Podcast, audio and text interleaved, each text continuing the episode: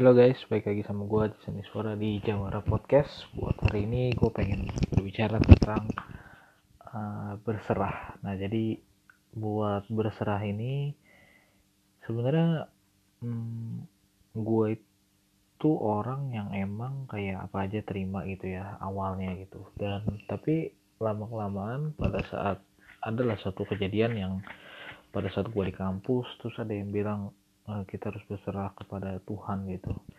Dan ya sebenarnya gue agak nggak setuju gitu. Karena hmm, di satu sisi gue melihatnya adalah berserah itu adalah tindakan yang berarti menyerah kan ya. Dan kayak misalnya kata-kata menyerah itu tidak bagus. Nah maka dari itu gue sempet akhirnya ngomong gitu ke orang ini gitu. Uh, kenapa sih kok kita perlu berserah gitu. Bukankah berserah itu artinya menyerah kan gue bilang kayak gitu kan.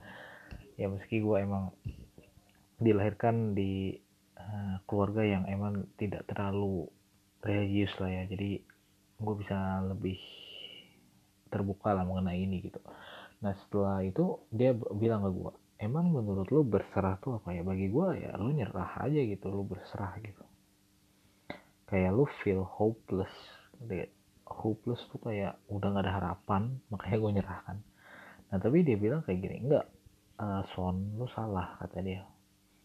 Berserah itu ya emang kita nggak bisa ada beberapa hal yang kita nggak bisa atur gitu ya contoh deh pada saat lu ujian lu ujian lu bisa atur lu belajar persiapan atau gimana tapi yang kasih nilai lu pada akhirnya adalah guru lu kan kalau misalkan satu ujian. Kalau nggak komputer gitu udah by sistem nah, hal tersebut tidak bisa lu atur katanya dan sampai akhirnya ya berserah itu bukan berarti nyerah tapi itu berarti bahwa kita sudah berusaha dan sisanya kita serahkan kepada Tuhan. Dan di situ gue kayak ya gue setuju sih kata lu kalau emang begitu gitu. Karena ya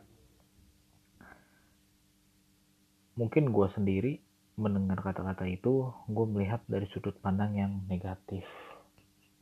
Padahal sebenarnya dia tidak bermaksud hal itu dia bermaksud ke sudut pandang yang positif.